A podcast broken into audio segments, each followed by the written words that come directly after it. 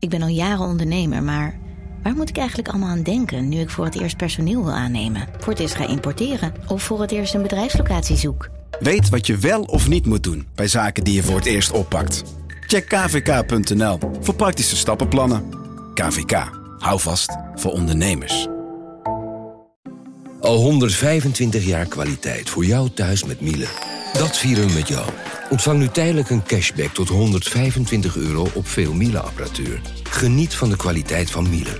Voor perfect verzorgd wasgoed en kleding die veel langer mooi blijft. Voor een stralend schone vaat, even perfect als jouw diners.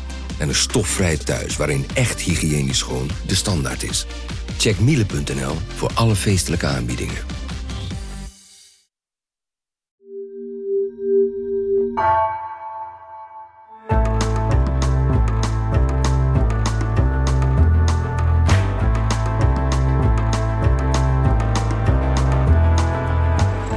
Gewezen op het web. Wat is gezonder? Slapen of sporten? Dat is net zoiets als vlees of groente, Hamas of Netanyahu. Tweepoligheid, het gijzelt meteen het denken.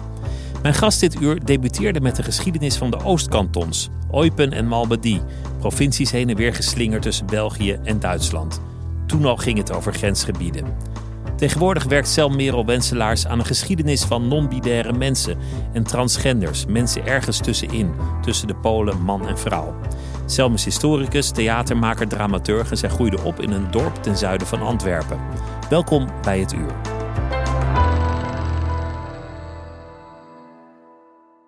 Selm, welkom. Wat leuk dat je wilde komen. Dankjewel voor de uitnodiging, Pieter. Ik, ik ben helemaal gefascineerd door polair denken. Denken in extreme. Ja. Mensen die zeggen van, uh, dat las ik ergens toevallig vanochtend. Wat is beter, slapen of bewegen? En dat, dat, is, dat is prachtig, want je hebt meteen een denkfout omdat je in extreme denkt. In het of het een of het ander. En alsof je dan moet kiezen. Hè? Alsof Ja. je daar tussen moet kiezen. Alsof het een keuze is. Alsof het een keuze is. Het, het, het is, het is eigenlijk de, de snelste denkfout overal voorradig. Is Pepsi of Coca of, eh, of Hamas of Netanyahu of nou ja, noem maar op. Jouw, jouw eerste boek ging over grensregio's van België. Eupen, Malmedy, de Oostkantons. Toen ging het eigenlijk al meteen over grensgebieden. Dat, Ja. vond, dat vond ik interessant. Ik dacht, dat is misschien wel een lijn in je, in je leven tot nu toe. Ja. ja, dat is altijd zo. hè. Als je terugkijkt, dan zie je de lijnen pas. Dan ontwaar je de lijnen. En dat is denk ik zeker een lijn. Dus ik ben historicus, ik heb geschiedenis gestudeerd. Mijn scriptie ging over Eupen Malmedy. En over eh, hoe België geprobeerd heeft om er goede Belgen van te maken. En hoe dat niet gelukt is. Of misschien toch wel. En ja, het is een vreemdsoortig grensgebied. Het is een aantal keren van nationaliteit veranderd. Het is vergelijkbaar met eh eh, Lotharingen, eh, Straatsburg. En nou ja, het boek heet De Laatste Belgen. Vanuit het idee ook wel dat ze misschien nog wel de laatste echte Belgen zijn. Maar wat dat Belg zijn precies is, ik ben er nog altijd niet achter. Maar het, het is zo mooi, je wordt heen en weer geslingerd tussen het ene en misschien is de beste positie wel de eigen positie, de positie tussen twee uitersten in. Ja, klopt. Maar in het geval van die mensen, van de inwoners van Eupen Malmedy, die hadden geen keuze. Ze hadden zogenaamd een keuze in 1919. Nou, nu gaan we even de diepte in. Ja. Dus na de Eerste Wereldoorlog komt iedereen samen in Versailles om Europa te hertekenen. En dan trekt men een lijn en dan wil men dus een deel van Duitsland ter compensatie aan België geven, Eupen Malmedy. Maar er moest nog wel een referendum aan vooraf gaan, waarin mensen zich zogenaamd zou- zouden mogen uitspreken. Woodrow Wilson had eh, het eh zelfbeschikkingsrecht der volkeren bedacht. uitgeroepen. Dus we moesten wel. Dus in Brussel werd er in der Gouten een referendum in elkaar geflanst. En, eh, zodat die mensen zich zogenaamd konden uitspreken. Maar er werd natuurlijk actief op, op gestuurd dat die mensen niet zouden kiezen. Of in elk geval voor die aansluiting bij België. Nou ja, en dan zijn ze nog twee keer opnieuw van land veranderd. En dat was ook buiten hun keuze, buiten hun wil om. Waar ben je zelf eigenlijk opgegroeid? In wel- welk stuk van het mooie België? in Edegem. Dat is de zuidrand van Antwerpen. Ivo Victoria, de schrijver. Die, Die ken voor- ik. Ja, hij is me voorgegaan naar Amsterdam. Hij schrijft op een prachtige manier over ons dorp, over Edegem. Eh, toen ik de boeken las en toen nog zelf nog in Antwerpen woonde, in België, toen dacht ik, Ivo, wat raar, hè, de uitgeweken Vlaming, terechtgekomen in Amsterdam. die als een soort nestbevuiler schrijft over zijn, zijn heimat. Het is echt, het, hij heeft een paar heimatromans over mijn dorp, ons dorp, geschreven. Ehm, nou ja, ondertussen ben ik zelf verkast, hè, monnikier zelf, zeven jaar. En, uh, en snap ik het. Snap je wat hij schrijft en uh, hoe die als, als banneling hier terecht is gekomen? Het is vlakbij Kontig, klopt dat? Klopt, daar wonen mijn ouders. Ja. De, de anale driehoek, als je over de snelweg rijdt, dan zie je ja, Aarselaar, Retegem en Kontig uh, zie je aangekondigd. dat is mijn jeugd, ja. ja dat is Has Dimitri Verhulst-achtig. Nou, het is minder prozaïs hoor. Het is eigenlijk een voorstadje ondertussen van Antwerpen. Um, het is heel uh, ja, wit, middenklasse. Um, en tot mijn verbazing merkte ik de afgelopen jaren bij het lezen niet alleen van Ivo Victoria, maar ook een Annie Ernaux bijvoorbeeld, dat die jeugd van mij, ik, ik ben van 83, hè, dus de jaren 80, 90, specifiek in Edegem, lijkt verdacht veel op de leefwereld van een Annie Ernaux 800 kilometer verder, 40 jaar terug in de tijd, een nonnenschool. Jongens, meisjes wel samen op één school, maar eigenlijk nog wel echt doordrongen van dat geloof. Dus we zijn echt nog wel kinderen van een, ja, een andere tijd. Echt dat katholieke, dat, dat, dat is hoe jij het je herinnert? Ja, nu mijn ouders zijn passieve of cultuurkatholieken in de zin dat, dat zij zich al ergens hebben van losgerukt of losgemaakt. Maar ik zat wel op een college. Ik zat wel uh, in de scouting, die toch ook uh, katholiek geïnspireerd is. Ik heb toch een paar sacramenten weten te verzamelen. Ik ben gedoopt, ik heb mijn communie gedaan.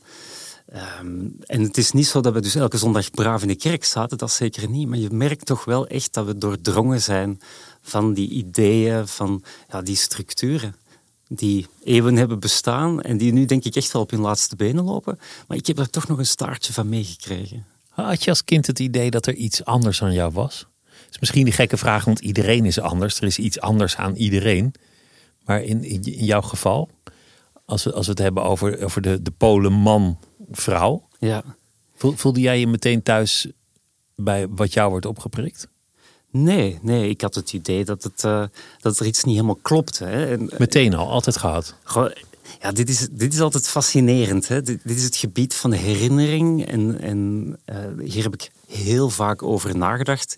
Hier ben ik ook vaak over bevraagd. Hè. Ik heb hier vragenlijsten over ingevuld. Ik heb hier met psychologen over gesproken. Dus ik heb die herinneringen al heel vaak, die, die mappen weer opengetrokken. Het is bijna de vraag van je leven geworden, dit. Ja, en je blijft je heel lang afvragen of het antwoord dan daar ergens te vinden is. Alsof je het als vier of vijfjarige beter zou weten dan als volwassene nu. Uh, dat denk ik niet. Nou, wat ik wel kan zeggen is dat ik zo prille herinneringen heb aan het er niet helemaal bij horen. Of anders, dat als de groep werd ingedeeld, dat gebeurt op een bepaald moment, hè, dan zit je op zo'n gemengde school wel, maar je turnt, je, hebt, je hebt gym apart. En dan word je in twee groepen verdeeld en je krijgt ook een ander uh, setje kleren. De meisjes krijgen een maillot en de jongens die krijgen een, een, broekje en een shirt. En daar wordt een scheidslijn getrokken. En dan was er een instinct, een gevoel, een idee. Ja, hoe noem je zoiets? Van, ja, maar wacht eens even, dit, dit, dit klopt niet. Volgens mij moet ik aan die andere kant staan. Dat is iets heel, iets heel gek. Iets, ja, ik kan het denk ik nog altijd niet helemaal duiden wat dat dan precies is. Maar ergens was dat. En wat deed je daarmee? Deed je daar iets mee? Nee, dat is ook iets heel bijzonder. Intuïtief weet je ook dat dat iets is dat je niet moet etaleren. Dat is niet iets wat je kan Dus het anders zijn, hè, zoals je het zei, van oh, voel je dat je anders was. Nou, je weet, denk ik, als kind heel goed dat je niet anders kan zijn. Dat je, je wil bij een groep horen. De, uh, belongingness is toch wel een heel sterke kracht in ons mensen. We willen heel graag erbij horen. We willen niet per se anders zijn. We willen niet uit de toon vallen. En ik voelde, en er zullen vast kleine momenten geweest zijn waar ik gecorrigeerd ben, waarin mij duidelijk werd gemaakt, ja, maar jij behoort wel degelijk tot die groep. En uh, voilà, dan onderga je, nou ja, we hadden het al eerder over keuze. Nou, veel keuze heb je als kind ook niet. Hè? Je wordt sowieso van hot naar her meegenomen, meegezult. Het zelfbeschikkingsrecht van kinderen is zeer beperkt. Uh, dat bedoel ik dan gewoon niet specifiek naar gender toe, maar in het algemeen natuurlijk. Kinderen ehm, zijn, Ja, die zijn niet wilsbekwaam. Die, die hebben niks voor te zeggen. Voilà, ja. Dus, dat is meteen een geheim. Ja. Ja, ja, dat voelt dan inderdaad als iets heel intiem, als iets heel eigen. En ja, de enige momenten dat het dan naar buiten kwam of dat ik dat dan onderzocht, was dan voor een spiegel. Dan was er nog wel een verdwaald kledingstuk van mijn moeder. En nou ja, dan kon ik iets zien, dan kon ik toch een reflectie zien van iets wat ik van binnen voelde. Ja, Voelde dat dan prettig? Als je een kledingstuk van je moeder aan had en jezelf zag? Was, dat, een, was dat een fijn gevoel? dat gaf een ontzettende rust. Zo van, nu is alles eigenlijk zoals het zou moeten zijn, heel eventjes. Nu valt het inderdaad op zijn plek. Of dan herinner ik ook zo'n herinnering eh, in de badkamer eh, dat ik voor de spiegel sta en een handdoek drapeer op mijn hoofd alsof ik lang haar heb. En dat ik in de spiegel kijk en een meisje zie en dat de handdoek van mijn hoofd afglijdt. Ja, en de, de magie is verbroken. Ik zie weer een jongen die me aankijkt. Het zit hem in dat soort eh, ja, beelden, herinneringen, snapshots haast. Wat was de eerste keer dat je met iemand anders hierover hebt gepraat? Dat je voor het eerst zei: Ik zou eigenlijk wel aan die andere kant van het spectrum willen leven. Ja, dat is een goede vraag. Ik heb het op een bepaald moment wel aan een vriendinnetje opgebiecht. Zo voelde het dan toch, als een soort openbaring. Als iets wat ik moest opbiechten, iets wat ik eh, geheim hield, iets wat ik achterhield. was ook mijn vriendinnetje, als in mijn, mijn liefje. Eh, ik zal dan 17 geweest zijn. Het was heel spannend, heel, heel eng. En ja, maar dat is ook iets, je hebt er geen taal voor, je hebt daar geen begrippen voor. Ik vond het heel lastig om te duiden wat er precies aan de hand was. Want, nou ja, anders dan anno 2023. Ik was, ik was een kind van mijn tijd. Ik leefde in de jaren 80, 90. Er was geen internet. Mijn, mijn grootste bron van informatie was de lokale bibliotheek. Waar ik naartoe kon fietsen. En ik was een eh, grote afnemer. Ik was een groot verbruiker van boeken. Dus ik kon alles wat, ik, eh, alles wat los of vast zat, dat, nam ik mee, dat las ik. Maar ik vond daar niet wat een weerspiegeling was van, van die innerlijke wereld. Tot op een dag ik wel degelijk een boek vond van Meisje van Keulen. Die een, eh, prachtig boek geschreven heeft over Maarten het Hart. Maarten slash Maartje. Over zijn, zijn zoektocht, haar zoektocht. En eh, nou ja, goed, daar moest ik het mee doen. Dus, dus dat, dat was je eerste referentie. Want je, want je had eigenlijk al die, al die idolen, al die sterren, al die verhalen, die waren er niet. Dus het enige waar je aan kon vastklampen was Maarten het Hart, die dan af en toe naar de markt ging als Maartje. Ja, precies. En Mensje van Keulen die daarover schrijft. En dan meen ik me te herinneren dat op de, op de kaft van dat boek, ik weet niet welke editie het was, ook een foto van, van Maartje, het Maartje stond. Precies. Ja, en ik heb het boek, vorig jaar heb ik het, heb ik het teruggezocht. En vond ik het hier in de slechte, vond ik een exemplaar. En schrok ik wel inderdaad van, van die foto. Op die, cover, ja, op die cover, daar zie je Maartje, Maarten, Maartje. Volgens mij bij haar thuis, de garagepoort staat open. En ze heeft een bruidsjurk aan, met van die pofmouwen. En een pruik op en ze is opgemaakt. En ik wil er heel liefdevol over spreken, want het is een heel een belangrijk boek en, en eigenlijk een heel kwetsbaar beeld. Maar dat is niet het beeld dat je hebt, dat is niet hetgeen waar je naar streeft, waar je van droomt. Het is niet wie je wil zijn.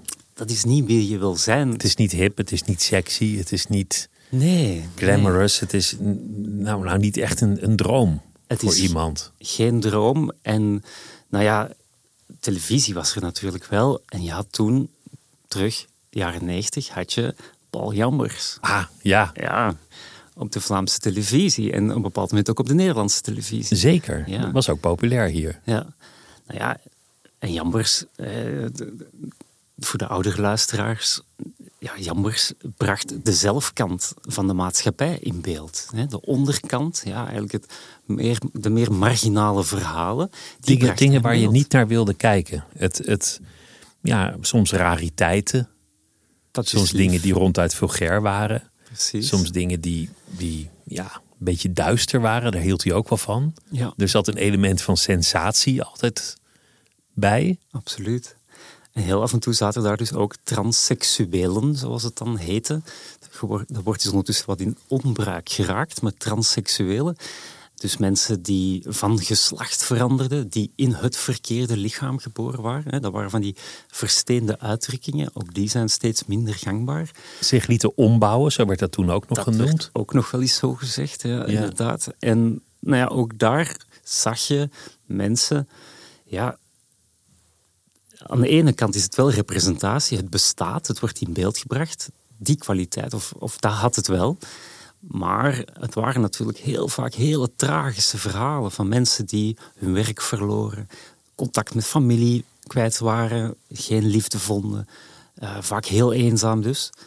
En nou ja, dus dat opgeteld, hè, uh, Maartje, de Jambers-figuren en verder weinig of geen positieve ja, rolmodellen, was het toch wel uh, bivakeren in de jaren negentig. Dus, dus jij droeg in je een gevoel van het klopt niet. Ik, ik hoor eigenlijk bij dat andere clubje, of, of niet bij het clubje waar ik nu bij hoor, bij, bij de jongetjes. Maar tegelijk werd je ook gevoed met een soort angst van als je, als je daarin gaat, als je dat traject betreedt, dan kom je, kom je uit bij jambers, bij maartje, bij eenzaamheid, bij verstoten worden. Ja, dat, dat is een vrees. Dat is absoluut een vrees. En dan had je wel, plots, uit het, uit het niets, had je daar Dana International in 1998 de inzending van Israël. Zij won het ook nog. En zij was een transvrouw uit Tel Aviv, uit het nachtleven. En ik herinner mij een interview met haar. Stond in de Gazet van Antwerpen. Dat was de krant die bij ons thuis op de deurmat viel. Een van oudsher Vlaamse katholieke krant. Wat conservatiever. En uh, er was een interview met haar naar aanleiding van het winnen van het Eurovisie Songfestival. En er werd haar gevraagd wat, waarom eigenlijk? Waarom is het toch altijd zo dat transseksuelen, nou, transgenders zeggen we nu dus, transgenders altijd weer of in die showbiz belanden of in de prostitutie? Hoe komt dat toch? Haast verwijtend werd die vraag gesteld aan haar. Dus je zag eindelijk iets moois, iets verleidelijks. En er werd meteen die vraag erachteraan gesteld, waarmee je toch weer terug in de horror werd geduwd. Ja, en haar antwoord was ook heel helder. Ik herinner het mij goed, ik heb het toen uitgeknipt. Dat deed ik als kind. Dus ik begon mijn eigen krantenarchief thuis aan te leggen. Uh, ik heb dat toen uitgeknipt in een geheime map, ergens bewaard onder in de kast.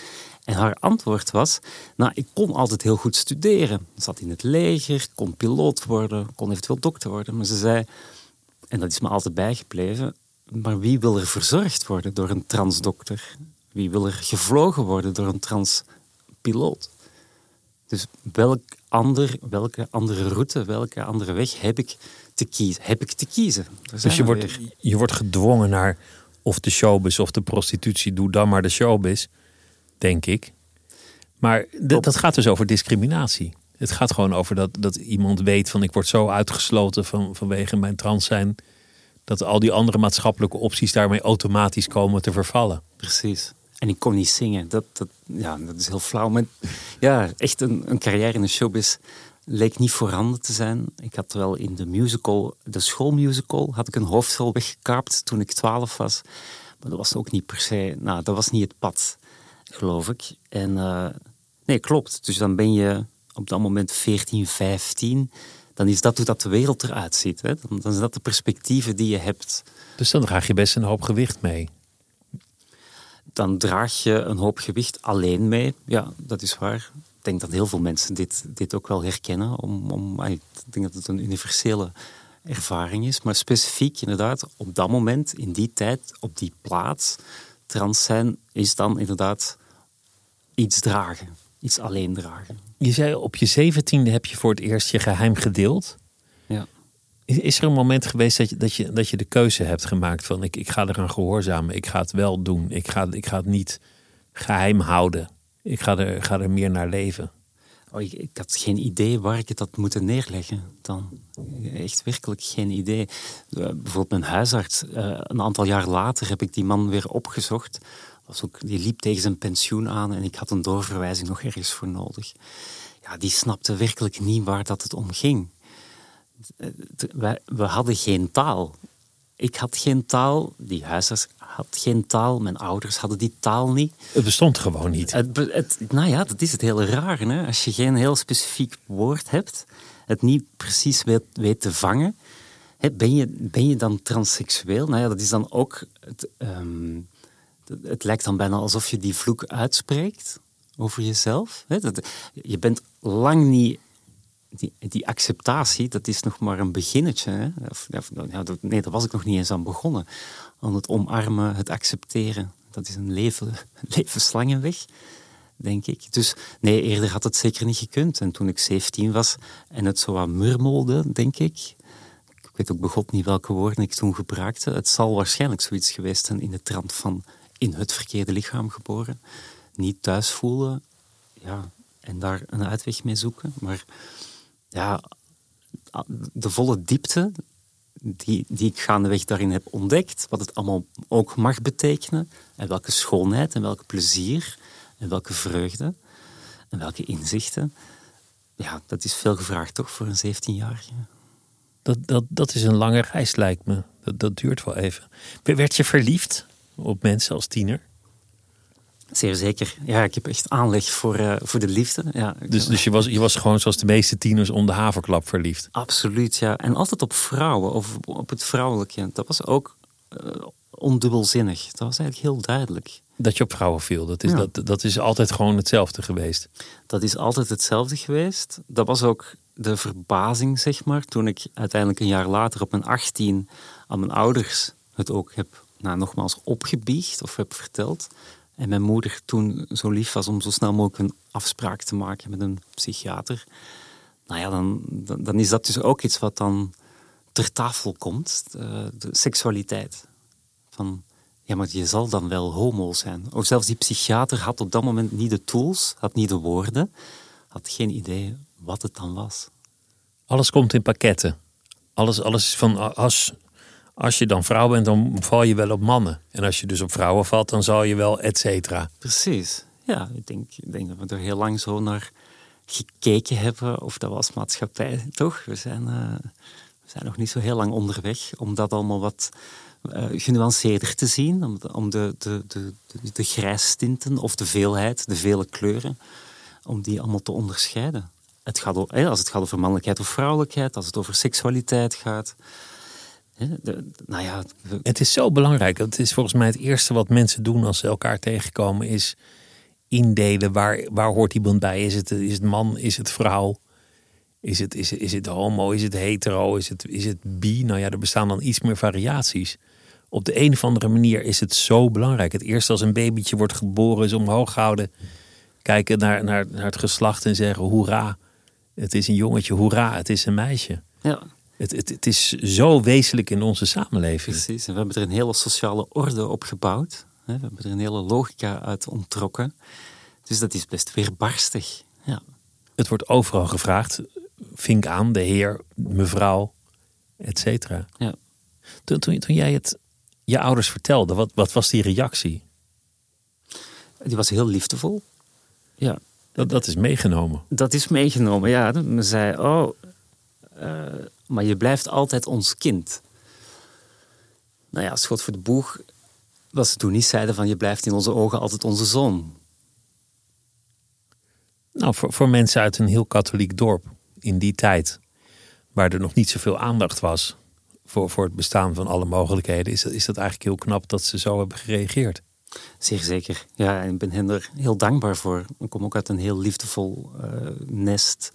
Ik heb daar ook alle steun in ervaren. Het, lastige is wel, zij hebben me inderdaad als zoon gezien, als in, als in mijn moeder heeft in haar beleving een jongen gebaard. Of zo is het vastgesteld in elk geval. Hoe raad is een jongetje?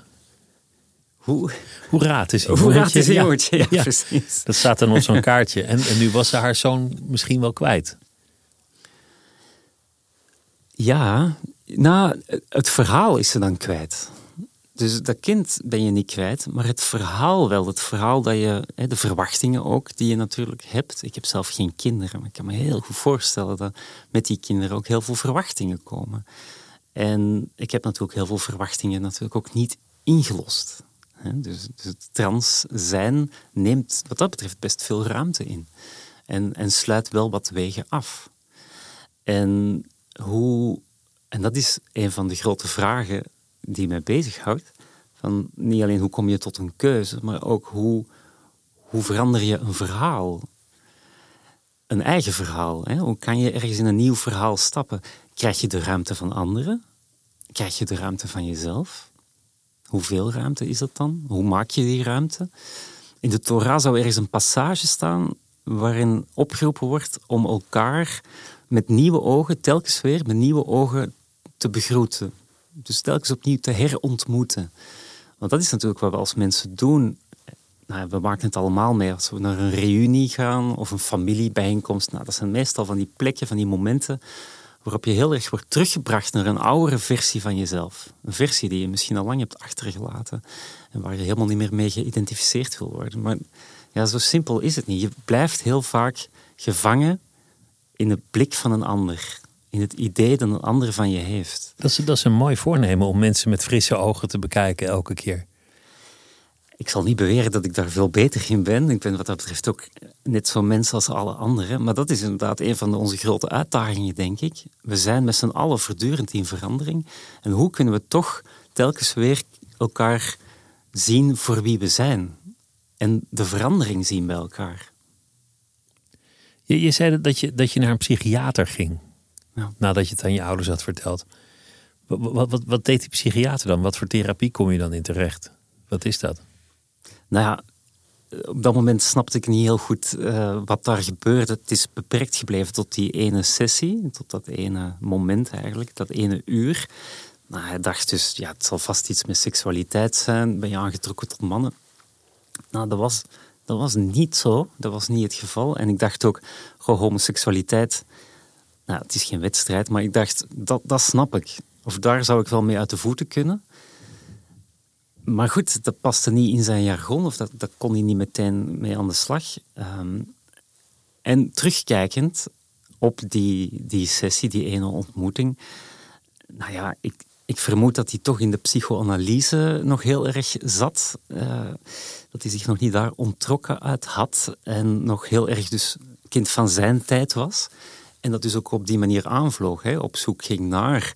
Dus naar je vader, naar je moeder, naar complexen. Precies. Naar verlangens. Alles wat verdrukt en weggestopt is of zo. Ja, nee, tuurlijk. En uh, nou, pas op, hij sprak wel over de genderkliniek in Gent. Hè, de, het genderteam, zoals het daar heet, genderteam. Dat gaf hij wel aan hoor. Van er zit wel een gespecialiseerd team, maar dat was voor mij op dat moment een hele hoog berg om te beklimmen. Ja. Maar dat hij duidelijk in die psychoanalyse ingebed was, ja, dat geldt wel voor meer mensen, meer trans mensen. Maar ik denk ook, ja, er is niet heel gek lang geleden een excuus uitgesproken door de Vereniging van Psychiaters hier in Nederland. De excuses voor ja, de zorg die er verleend is decennia lang aan LGBTQI-mensen die, nou ja, niet altijd de hulp kregen, de, de, ondersteuning die ze nodig hadden. Want het helpt natuurlijk niet als iemand dan op zoek gaat naar complexe en onderdrukte verlangens en trauma's uit je jeugd. Het is, het is niet echt wat je nodig hebt op dat moment. Nee, precies. Nee, dat is niet, uh, nee, dat is niet behulpzaam. Nee, dat is niet behulpzaam. Ik, ik, kan me die berg zo goed voorstellen. Ik ben sowieso bang voor de dokter. Ik ben, oh al bang voor de tandarts. Ja.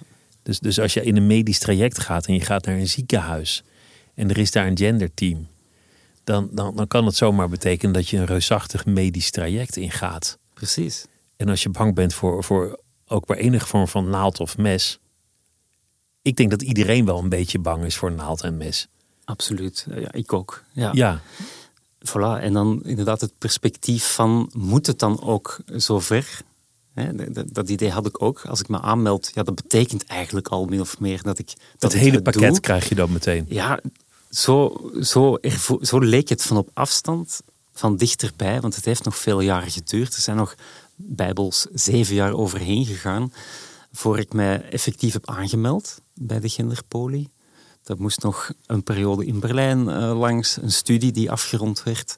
Vastere grond misschien ook wel onder de voeten. Ehm, dus ik was ja, 26 toen ik me aanmeldde in Gent. Uh, het zijn ontzettend lieve, betrokken mensen en het is ook ontzettend maatwerk. Men luistert echt naar je. Maar het was ook een andere tijd. Dus ik heb het dan over 2010. Toen was het inderdaad veel meer nog een totaalpakket. Dus toen meldde je aan.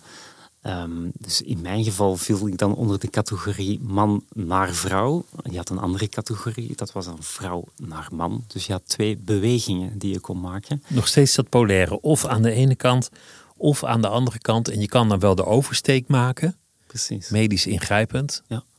En dan sta je aan de andere kant. Maar, maar de wereld is nog steeds netjes gescheiden in twee soorten mensen. Exact. Maar ja, je kan die zorg, die transzorg in dit geval, kan je natuurlijk ook niet loszien van de maatschappij en de tijdsgeest. Dus die zat natuurlijk ook ingebed in dat hele binaire denken. En het idee was natuurlijk dat je gewoon door die transitie heen aan de andere kant uitkwam en gewoon kon meedraaien in de maatschappij, in dit geval dan als vrouw. Eenduidig als vrouw. Dat je dan opging in de maatschappij. Niet met het idee dat je dan uh, die identiteit aan zich zou vieren. Dat bestond eigenlijk lange tijd niet. Althans niet in mijn omgeving. Je leest wel eens iets via internet. Zag ik wel dat er in, in de VS hele andere bewegingen wel bezig waren. En Amsterdam was ook relatief ver voor mij nog. Hè. Maar wat ik kende in Antwerpen, ik kende misschien via via wel eens een transpersoon. Maar dat was niet iets wat dan gevierd werd of wat dan op een manier werd uitgedragen.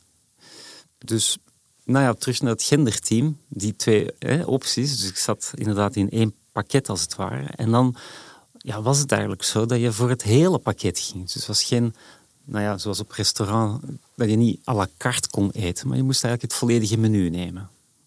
Dus helemaal de oversteek. Van een reusachtig besluit als je dat neemt. Ja, joh. Omdat je ook, ook weet dat het een heel lang en heel ingewikkeld traject wordt met met hormonen, met, uh, met plastische chirurgie, met, met allerlei vormen van medicatie. Dat is, natuurlijk, dat is natuurlijk een reusachtige beslissing. Nou ja, het gebeurt wel stap voor stap en absoluut niet overnacht. Hè. En men heeft ook... Je bent jaren zoet. Nou, je bent zeker in het eerste jaar ben je heel intensief aan het praten. Ben je wel eh, vragenlijsten aan het invullen. Dus nu spreek ik echt over 2010, 11. Dus aan de hand van protocollen uh, kijkt men van, uh, beantwoord je zeg maar aan de criteria. Die zijn goed omschreven, die zijn wereldwijd, dat is een bepaalde standaard, die wordt zo, die, die is al decennia eigenlijk op die manier is die zorg ingericht. En daar ga je doorheen. En dan is een eerste stap is inderdaad een hormoonkuur. Daar, uh, daar kan je dan mee beginnen. En zo kan je wel stap voor stap verder kijken nou ja, hoe, je daar verder in gaat. Hè. Ga je inderdaad naar de plastische chirurg, et cetera. Hoe reageerde je omgeving in die tijd? Had je toen een geliefde? Ik had toen een geliefde, een andere dan, dan die eerste. Het was ook wel een, een, soort high school love, als in een, een traditionele boy meets girl. Um, leek het, schijnbaar. En ik had er wel helemaal in het begin van die relatie gezegd van, oh, er is wel zoiets met...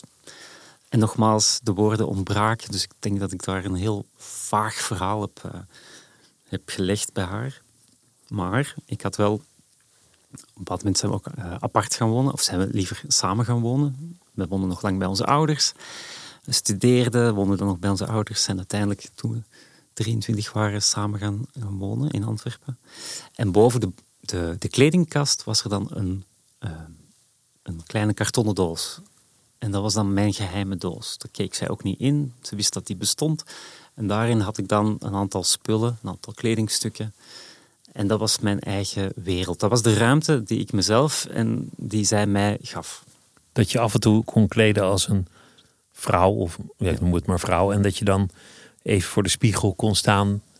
Zo, zo dat was, dat, die doos, dat was eigenlijk die, die andere identiteit. Precies. En die, was die, dus zat, die paste nog in een doos. Voilà, en die was gecontained. Hè? Die, die, die, die was Daar kon de deksel nog op. Daar kon het deksel weer op, op het einde van de dag. Ja, voilà.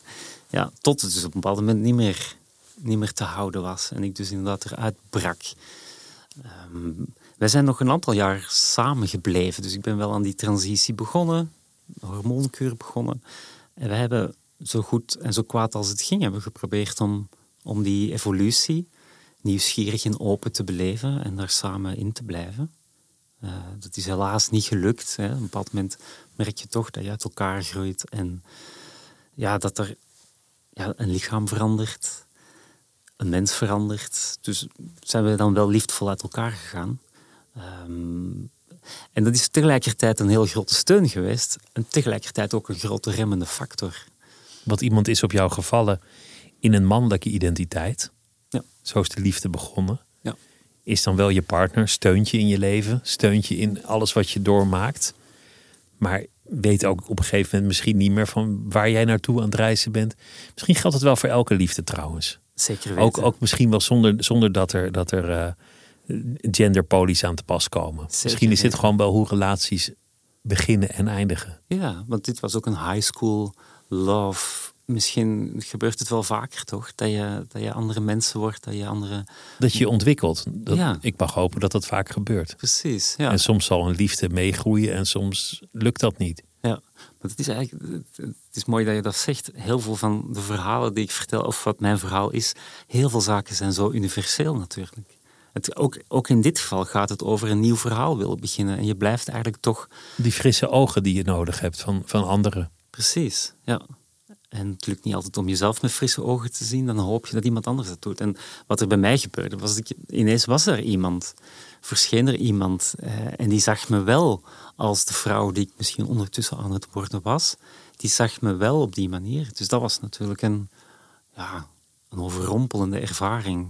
Het gebeurde ook in een performance. Het was een theatervoorstelling. En, en zij was de performer. Dat was een danseres. En, uh, een Spaanse danseres. Het was in een opstelling. Uh, we zaten in een museum voor hedendaagse kunst in Bologna. Dat was deel van een, een cultureel project, een uitwisselingsproject. En zij had een, uh, een strak kostuum aan, een strak pak aan. Zo stond ze in een van de zalen van het, van het museum. Um, en ze keek met een hele uh, strakke blik keek ze om zich heen. Het was een openingsnacht, er was heel veel volk uh, en ik liep daartussen. En ik merkte haar op, ik zag haar. Het was niet helemaal duidelijk of het een performance was. Ze, ze bewoog door die ruimte in dat pak, met de haren in vet naar achteren gekamd. En ik voelde zo'n verlangen om gezien te worden. Ik, ik hoopte, want ze keek telkens iemand aan en ging ze er naartoe. En ik hoopte zo vurig dat ze naar mij zou komen, dat ze mij zou zien. En het gebeurde. Het gebeurde. Op een bepaald moment zag ze me, kwam ze naar me toe streelde mijn oor, fluisterde iets in het Spaans of Italiaans. Ik, ik verstond het ook niet. En ik ontplofte zowat. Ik was, ik was gewoon helemaal overrompeld gewoon door, door haar en door wat er dan gebeurde. En het ging over dat gezien zijn. Het ging erover dat ze me zag. Ik ben de volgende dag teruggegaan, want het was een meerdaags uh, gebeuren. Ik ben de volgende dag teruggegaan, er was niemand meer museum was verlaten. De performers waren wel bezig, dus zij stond daar weer in diezelfde ruimte. En ik kwam binnen. Zij draaide zich om, we zagen elkaar, we liepen op elkaar af. En we zijn, zoals in de film, op elkaar gestapt en in elkaar versmolten. Van mijn leven niet meegemaakt, daarna ook niet meer hoor. Maar we zijn daar gewoon elkaar, ja, elkaar in, in elkaar gevallen, als het ware. Ja. Ik ben hals over kop naar Madrid verhuisd. Nou, het verhaal gaat zo verder. Ik ben hals over kop uh, de liefde gevolgd. Want ik dacht, ja, dit is het natuurlijk. Dit is alles. Een kale reis. Uh, maar goed, um, het, het, het houdt de mens bezig. Wat een mooi verhaal. Zo'n liefde. En, en ook zo grappig dat je later zelf performances bent gaan doen. Ik, ik heb dat gezien, dat zat in de, in de documentaire van, uh, van de BNN. Weet je wel, BNN is de, de omroep van de jonge hippe mens. Die zijn inmiddels gefuseerd trouwens. En, en dan, dan hang jij aan een schommel. In, ja, het, zag eruit als een soort winkelstraat. De, de, de, de, oudere mensen die, die versnellen hun pas en die lopen verder. En de kinderen die blijven heel lang kijken en staren. En van, hé, hey, wat is dit? En, en het is voor jou een moment om, om het te vieren. Wie je bent. In, in alle schoonheid met, met vleugels als een engel, met wapperende haren. En, en eigenlijk te zeggen, nou ja, dit is het. Ja. Doe het er maar mee. Ik vind het mooi dat je het zo leest of, of zo interpreteert. Het is een werk van Dries Verhoeven.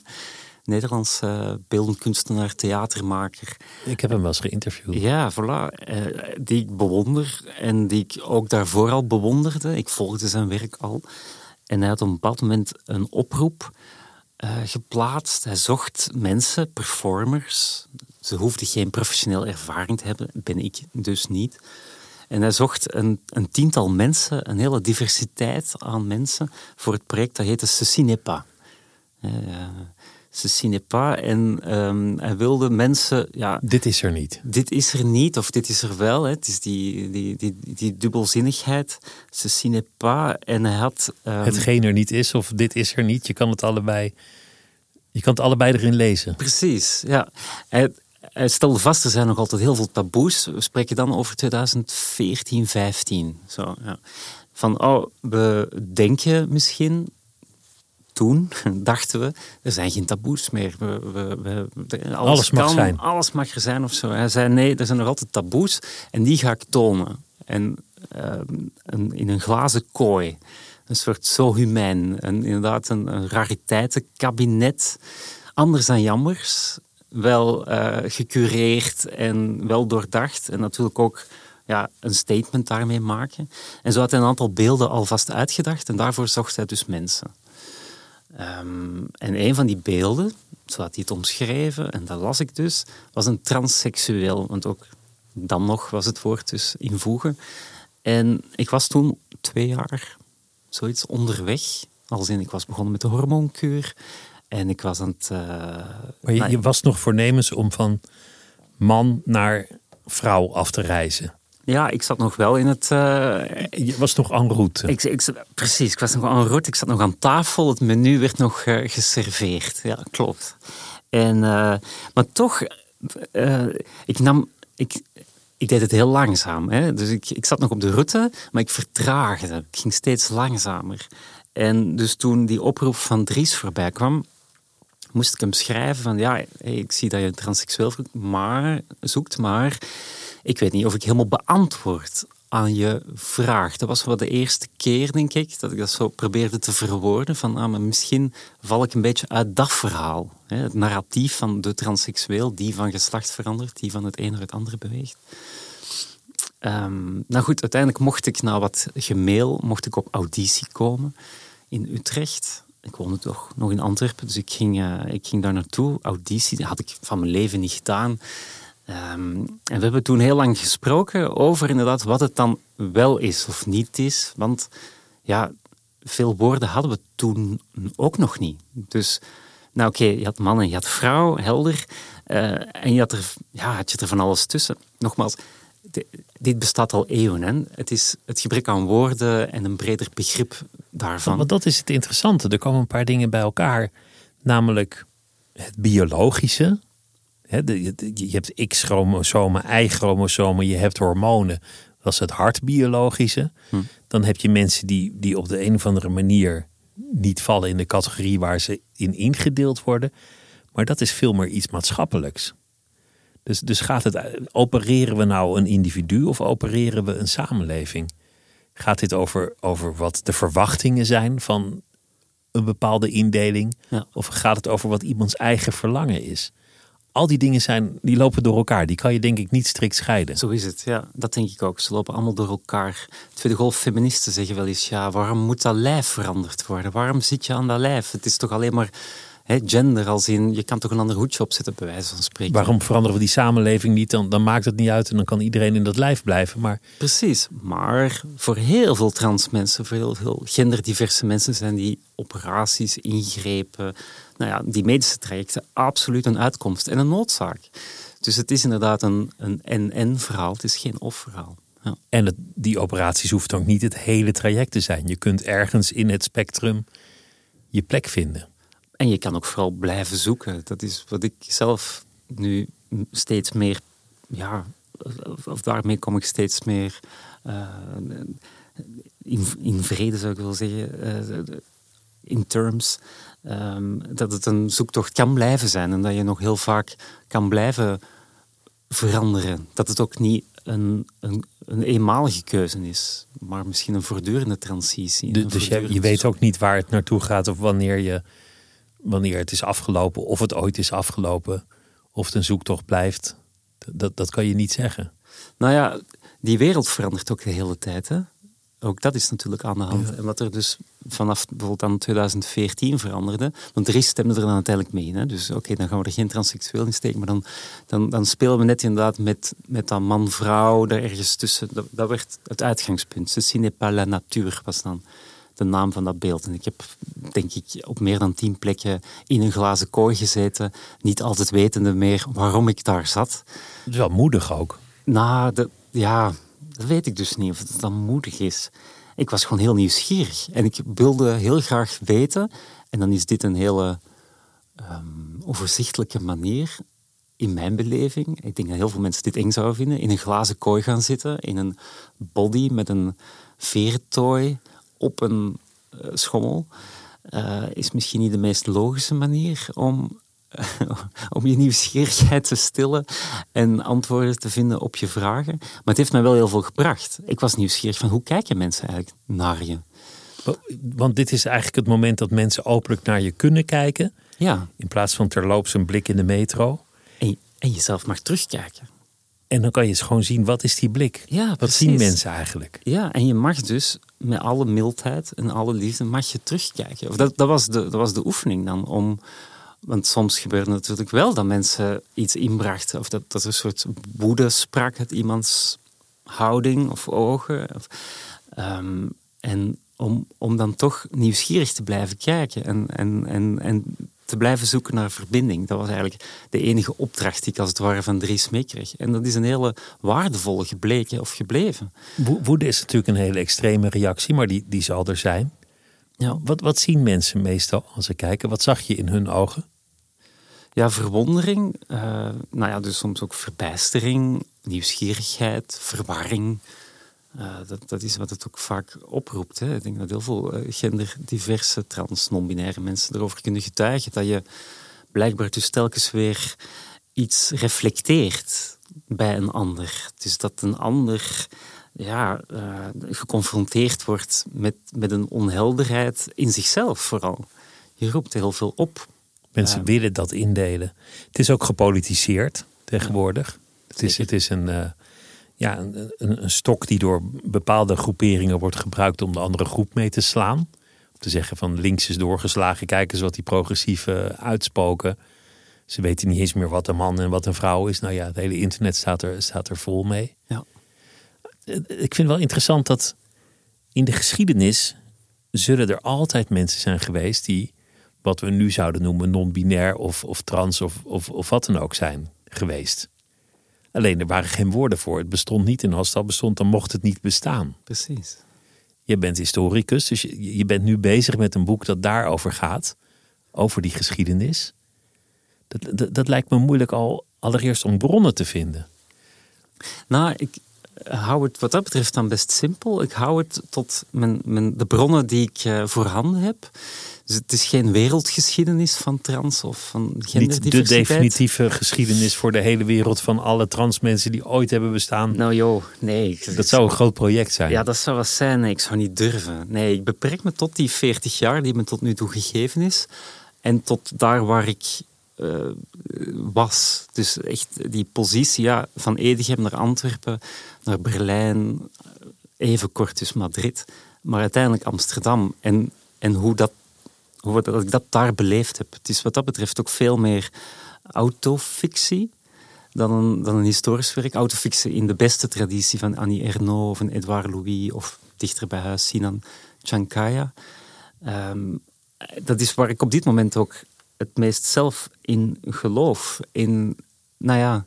Wat heb jij zien veranderen in jouw leven? Hoe is, hoe is die reis geweest tijdens die, die jaren die jij achter de rug hebt? Precies, maar ook met de vraag: wat is die invloed van die omgeving, van die tijd? Hè? Hoe, hoezeer ben je kind van een tijd en van een plek? En wat, wat, wat, wat waren mogelijk keuzes? Had je keuzes op bepaalde momenten? Kan je iets worden dat nog niet bestaat? Dat, voilà. dat, dat niet, waar geen woorden aan zijn gegeven, dat nog niet is uitgevonden. Nee, precies. En het gaat, zoals bij Sinan gaat het heel erg over ruimte. Hè? Over welke ruimte is je gegeven? Gaat het over invechten haast? Hè? Dat is, dat is een term die we hopelijk gauw achter ons laten. Maar uh, de, de ruimte telkens weer die, die je moet vinden Wat doe je dan met die ruimte? En ja, je, je hebt het over de politiek. Hè. Die ruimte lijkt weer te verkleinen. Hè. We hebben een soort momentum gehad, zo ervaar ik dat dan. Hè. De afgelopen jaren, tot 2020, was er een soort van opwaartse beweging. Ging het schijnbaar alleen maar goed of ging het alleen maar beter? Als het gaat over representatie van transmensen. In de media werden mooie dingen gemaakt, mooie boeken geschreven. Uh, nog steeds, hè, voor alle duidelijkheid. Maar je voelt inderdaad dat het geïnstrumentaliseerd wordt. Dat trans plots in het midden van, van de actualiteit, van de politiek zelf staat. Er En- en politieke dat is programma's zijn. 2020, dat, dat is dat keerpunt dat je ziet. Nou ja, er is natuurlijk in de UK al van alles gaande, al veel langer met turfs enzovoort. In de VS zie je ook daar die polarisatie eh, en de trans-agenda die daar dan wordt ingezet. Hè. Trump die op een bepaald moment eh, trans mensen uit het leger zette, et cetera, et cetera. En, eh, en voilà, en het heeft nu ook eh, voet eh, gezet hier aan... ehm, aan wal in Nederland zie je dat ook bepaalde debatten die dus nou ja, van ergens anders komen aanwaaien, dat die, dat die nu ook hier gevoerd worden. Ja, het, het is wat. Het, ja, het is, het is tragisch dat het gepolitiseerd wordt. En dat, dat heeft te maken, denk ik, met een soort crisis in de mannelijkheid die wordt ervaren. Dat, dat de man zijn heerschappij verliest. is dat zo? En dat de man het gevoel heeft dat hij niks meer te vertellen heeft. En wat is dan een, een beter slachtoffer om, om te pakken dan de transmensen in al hun kwetsbaarheid? Dat is, En het is ook maar een kleine groep, die kan je aan. Maar het, het, het gaat uiteindelijk, is de crisis niet de transpersoon. De crisis is een, een- ja, een gevoel van mannelijkheid dat, dat verloren raakt. ja. Een, een heel andere agenda eigenlijk. Ah, voilà. Dus die mannen moeten het maar weer Moet het zelf oplossen. zelf oplossen. God, gelukkig ja. Ja, ik denk dat er inderdaad heel veel tegelijk speelt. Hè. Er, is, er is eigenlijk heel veel aan de hand. En inderdaad, trans, om de een of andere reden, eh, is, is dan een heel lekker of heel helder verhaal waar mensen zich dan tegen kunnen afzetten. En dat is ook wonderlijk, hè, dat je nu een coalitie krijgt hè, van genderkritisch, anti-trans, transfoob. Ehm, waarbij je een hoogst merkwaardige samenstelling hebt hè, van eh, diep religieuze, het zij katholiek, eh, het, het zij eh, islamitisch, maar ook de, ja, feministen, tweede golf feministen toch vaak. Ehm evengoed oud-linksige types. Ja. Ehm, gewoon, je, je krijgt dus een heel amalgaam van, van mensen die Een bondgezelschap Ja. verbaast zich samen te treffen. Voilà, en die menen dat dit nu de, de, de hill is where they have to die on. Ehm, ik hoorde het laatst nog iemand zo zeggen, als het gaat over de transzorg voor kinderen. Dus ja, ehm, wel, het boek is ook gaandeweg veranderd. In die zin dat ik het aanvankelijk, toen ik ermee begon, was het ook veel minder politiek. Of voelde het veel minder als een daad van politiek om dat boek te schrijven. Was het meer uit een, uit een nieuwsgierigheid van hoe zijn we tot dit punt gekomen. Maar dat punt is dus de afgelopen drie, vier jaar eigenlijk voortdurend verlegd. Hè? Dus door... zijn we in een andere fase. Maar eigenlijk is, eigenlijk is die eerste vraag ook, ook zo interessant. Het is, het is net als met homoseksualiteit. Dat, dat het in de middeleeuwen niet bestond, wil niet zeggen dat er geen homoseksuelen waren. Dat het, dat het in grote delen van, ik noem maar wat, de, Amerika of de, de Arabische wereld niet bestaat. Wil niet zeggen dat daar geen homo's worden geboren. En met, met trans- of non-binaire mensen, die zijn er altijd geweest. Precies. Wat, wat kunnen we daarover te weten komen? Hoe gingen mensen daarmee om? Hoeveel, hoeveel lijden is daar geweest? Door, door mensen die verstoten werden, verschopt. Ja. Feitelijk uit de samenleving geplaatst. ja, maar heel vaak werd er wel een vorm voor gevonden. Hè? Er zijn genoeg... En er zijn genoeg culturen eh, waar men wel een extra positie of meerdere posities inrichtte. Dus waar er wel ruimte kwam. En ook, ook eh, dichter bij huizen, in het Berlijn van de jaren dertig, had je Magnus Hirschfeld. Die deed onderzoek naar de veelheid aan seksualiteiten en genderidentiteiten. Eh, die kon de tel niet bijhouden. Ehm, al dat onderzoek is helaas in vlammen opgegaan toen de nazi's aan de macht kwamen. In 1933 hebben ze zich meteen naar het de instituut eerste van waar ze dokter naartoe Magnus Hirschfeld. Ja, zijn ze daar gelijk de boel gaan leeghalen en op de Bebelplaats in brand gestoken. Ehm, nee, de, de- het, eh, het, het is inderdaad van alle tijden. Het is van alle Kei- Keizer plaatsen. Wilhelm die, zou- die zou ook waarschijnlijk ergens iets trans zijn geweest. Want die, die, het was bekend dat hij zich heel graag als vrouw uitdoste. En dan, dan wilde dansen met mannen als vrouw en met, met veel make-up. En de hele hofhuishouding wist daarvan. Maar dat kon natuurlijk gewoon niet met zijn positie. Waarin die juist dan wilde worden afgebeeld als een oorlogszuchtig heerser. Kijk, ja. Een hoeder van traditionele waarden. Nou ja, historicus Alex Bakker zegt het, hè, van het heeft altijd bestaan, het is van alle tijden, alleen het woord en het concept niet. Niet altijd zoals we het nu kennen. En ook die woorden en die begrippen, die concepten zijn ook voortdurend veranderd. Ook in mijn kleine scoop van hè, die 40 jaar zijn er heel veel woorden gekomen en gegaan. Hè. Transseksueel hebben we al gehad, maar nu transgender of transpersoon worden mensen ook steeds liever. hele non-binaire, de genderfluiditeit en de veelheid aan identiteiten daarbinnen is eigenlijk een steeds verdere verfijning, verduidelijking eigenlijk van die posities. Um, maar nog steeds wel zoeken naar verduidelijking. Is het altijd aanwezig in jouw leven? Is het, is het iets wat, wat elke dag wel een keer voorbij komt? Nou, Zijn er dagen dat het, dat, het, dat het gewoon helemaal niet speelt? Dat het helemaal niet een kwestie is en dat je gewoon Absoluut. Je beweegt in de samenleving als... Oh, absoluut. Ja, het, eh, sterker nog, voor ik aan het boek begon, was ik er een beetje uit. Als in, eh, was het geen alledaags iets of zo. Dus door, door erover te gaan schrijven en, en uh, um, nou ja, dus mijn eigen bronnen uh, tegen het licht te gaan houden, mijn eigen mailbox uh, binnenste buiten te keren, kranten, knipsel, mappen weer boven te halen. Nou ja, sinds, dan is het wel weer heel actueel of dagdagelijks um, valt het ontzettend mee. Ja, het blijft me altijd weer verrassen. Als het dan toch gebeurt, als mensen zich dan toch ergens uh, ja, vergapen, doen mensen zeker niet hoor. Um, reunies, of reunies, zoals het in het noorden heet. Uh, ja, dat zijn altijd markante momenten. Dus dan zie je mensen weer voor het eerst in zoveel jaar. En nou ja, mensen zijn dan dus niet altijd in staat om die frisse blik mee te nemen. En, uh, ja, en dan krijg je altijd hele ongemakkelijke gesprekken. Waar ik steeds beter in word, trouwens. Ja. En, je, je, had destijds in de documentaire verteld dat je bij de bakker komt en dat dan. De, de bakker zegt: uh, mevrouw, oh sorry meneer, oh nee meneer, en dan zichzelf verliest in gêne. En eigenlijk niet meer aan het verkopen van brood toekomt. Ja, klopt. Ja. En ik ook niet meer aan het kopen van brood. Dat de hele transactie verstoord is door, door zoiets futiels als die indeling? Ja, er is ook wel wat veranderd in de zin. Dus die documentaire is van 2016, uh, volgens mij. Ja.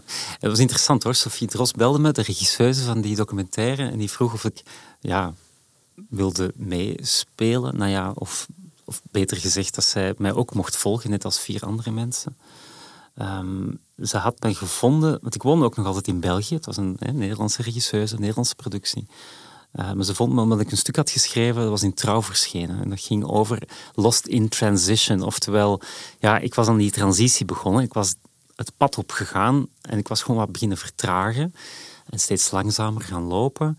En ik paste dus niet meer in het verhaal, in dat ene verhaal, waar past ik dan nog wel in? Nou, en in die tijd, nogmaals, niks nieuw, maar goed, ineens bleek het wel nieuwswaardig te zijn. Non-binariteit, genderfluiditeit, dat was plots eigenlijk een, een aandachtspunt. En dus Sophie wou een documentaire maken over genderfluide mensen. En dus door een speling van het lot, door mijn vertraging, viel ik ineens niet alleen uit een verhaal, maar ook wel in een ander verhaal. Dus ik, bij wijze van spreken, was er eens achteron, achterin het peloton geraakt, het, transpeloton. Maar werd dus in dat nieuwe frame, in dat nieuwe verhaal, gecatapulteerd naar de frontlinie. Dus ik was ineens een soort voorloper. Waar ik het gevoel had dat ik eigenlijk een achterloper was, was ik plots een voorloper. En in die documentaire van Sophie, um, nou ja, waarin ze inderdaad ook mee uh, naar een werk van Dries Verhoeven is geweest, toen ik een keer in zo'n kooi zat enzovoort. En een keer bij de bakker klopt. Dat, waren ook gewoon, dat was ook een periode waarin ik die non-binariteit heel erg onderzocht. Van oké, maar in welke mate kan ik fluïde mag ik, zijn? Mag ik uit dit menu stappen? Ja, mag ik uit het menu stappen en ook mag ik in mijn presentatie, in, mijn, uh, in hoe ik me kleed, hoe, ik me voor, uh, hoe mijn voorkomen is, mag ik dan afwijken? Is daar ruimte voor? Want een deel van het pakket, van het menu, was ook stemtherapie. Dus ik ging naar een logopediste om anders te praten, om vrouwelijker te praten. Ja, de luisteraar En, en jijzelf, jullie zullen horen, ja, mijn stem is nog altijd best laag. Ik doe niet echt mijn best. Ik ben heel snel gestopt met mijn oefeningetjes te doen. Ergens is het wel jammer. Ik had het wel graag gekund. Het kunnen spelen als een soort knop dat je, dat je kan spelen in hoogte. pitch, ja. Ja, dat zou echt lekker zijn. Ehm, maar het voelde, voelde ook een beetje gek, moet ik toegeven. Nu heb je daar binnen, binnen logopedie dan nog verschillende strekkingen. Je hebt ook, eh, dat deed die van mij gelukkig niet, maar je hebt ook logopedisten en die geven aparte woordenlijsten. Die zeggen, ah ja, maar vrouwen spreken eerder met zulke woorden dan zulke woorden. En meer verkleinwoordjes, al dat soort dingen. Nou goed, al dat soort dingen had ik gaandeweg ook terzijde geschoven. Dus ik deed niet echt mijn best. Oftewel, ik was een luie transgender. En dat heeft me wel... Ik heb het toch een aantal jaren weten vol te houden. Eh, dus wel, nou ja, het haar lang, vaak wel in een staart. Ehm, afhankelijk van de context, me dan mannelijker of vrouwelijker getoond, wat dan beter uitkwam. De luchthaven bijvoorbeeld, je moet door die security. Ja, dan, dan wil je dus niet te ambigu zijn, dan wil je niet onhelder zijn. Dat zijn best heldere types die daar aan de security Word je door een man of door een vrouw gefouilleerd? Ja, precies. Moet je door dit poortje of dat poortje? Ja, dus dat, nou, zo is het een paar keer gebeurd. Hè. Schiphol bijvoorbeeld. Dan, toen was nog de regel, het protocol was nog dat je je ID moest laten zien. Dus wat er, wat er geschreven stond, dat was de werkelijkheid. Dat was, dat was waar. Dus dan word je een hoek ingeduwd. Ja, geen keuze. Hè. Dus het is niet wie jij zegt dat je bent of wat je, wat je, wat je, je uitstraalt of zo. Het is die letter. En eh ja, voilà. Dus we hadden het op een bepaald moment dat eh, iemand mijn ID vroeg, zonder aan mij te vragen wat ik misschien prettig vond of wat, wat de bedoeling was. Eh, dus ik keek en toen stond er nog een M in. Dan zei hij, ah, er staat een M in, een man, dus die moet door een man gefouilleerd worden. En toen zei ik, goh, zou u toch een andere collega kunnen vragen? Nou, dat vond hij niet zo'n leuke vraag. Ehm, maar ik weigerde. Heel simpel, ik weigerde. En toen kregen we dus een soort impasse. In mijn beleving duurde die eeuwen. Eh, het zal een paar seconden geweest zijn. Uiteindelijk is hij toch opzij gegaan en, en heeft hij zijn vrouwelijke collega mij laten fouilleren. Ehm, maar ja, dus er zijn wel een aantal jaren geweest waarin ik dat onderzocht heb. Nu moet ik wel zeggen dat dat dus gaandeweg, het is, dat is vermoeiend. Het, dus het niet het gewoon laten rusten. Het zeggen van oké, dit is het. Dat is eigenlijk waar de vrede zit. Als je gewoon zegt, nou, ik heb hier vrede mee. Dit is wie ik ben. Ja, dat, ja dat, dat zou je denken, hè, dat je eigen vrede dan op die manier uitstraalt en dat de andere dan ook vrede heeft. Dat is niet zo. Dus het, het, het blijft, je bent natuurlijk niet autonoom, je bent deel. We zijn relationele wezens. We zijn in verhouding tot elkaar iets. Hè, dat is ook de moeilijkheid soms, dat je een kind bent van iemand. Ik, ik, ik ben in mijn beleving, in mijn idee, al lang geen zoon meer. Ik ben geen oom meer. Ik ben geen broer meer. Maar goed, andere mensen bepalen er soms, hè, of denk je er anders over en bepalen dat dan wel. Ehm, Dus Maar- die, die discussie die bestaat dan nog. Het komt wel terug op zulke momenten. Dat iemand dan hardnekkig neef blijft zeggen. eh, jazeker, jazeker. Ja. Maar dan, dan is de oervraag, de moeilijke vraag, waar we gewoon weer terug zijn bij de vraag die iedereen zich moet stellen. Wat wil je zijn in het leven? Wat wil je doen in het leven? Ik introduceerde je net Ja. min of meer als historicus. Ja. En inmiddels heb je zoveel dingen gedaan, dus allemaal zoveel kanten op gegaan. Ja. Dat, dat, is, dat is eigenlijk de interessantste vraag. Welk leven wil je leven? Ja, Wie wil je zijn? Precies, en, en volgens mij wil je een, een, een lief mens zijn en een zorgzaam mens en, en in vrede leven, inderdaad. Nou ja, dit- nu, nu wordt het een EO-uitzending, maar ja, dat, dat, dat, dat is waar het mens zijn toch hoofdzakelijk om draait. Hè? Dat is de essentie. leven, dat is de essentie. En, Een plek in de samenleving met mensen die je, die je lief vindt. Ja, precies. En al de rest is ruis en ballast of zo. Dus je hoopt gewoon ja, dat, we, dat we die ruis rond gender zo snel mogelijk wegkrijgen. Hè? Dat mensen inderdaad die ruimte krijgen en niet heel tijd moeten vechten, niet in die vechtstad moeten staan. Want dan wordt die, die ruis, vind ik mooi dat je dat zegt. Dan wordt die ruis, dat lijkt dan de essentie. Het is niet de essentie.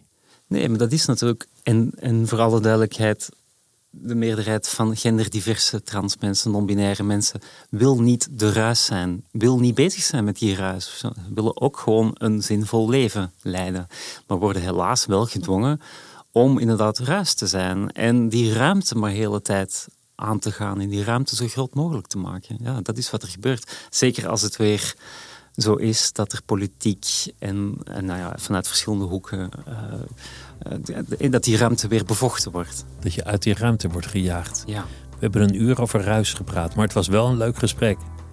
Dank je wel. Dank, dat je te gast wilde zijn. Dank je wel. En dit was het uur. Volgende week is er een nieuwe aflevering. Het uur wordt gemaakt door Mira Zeehandelaar. Techniek en productie Claire van der Woude. Mijn naam is Pieter van der Wielen. Tot volgende week.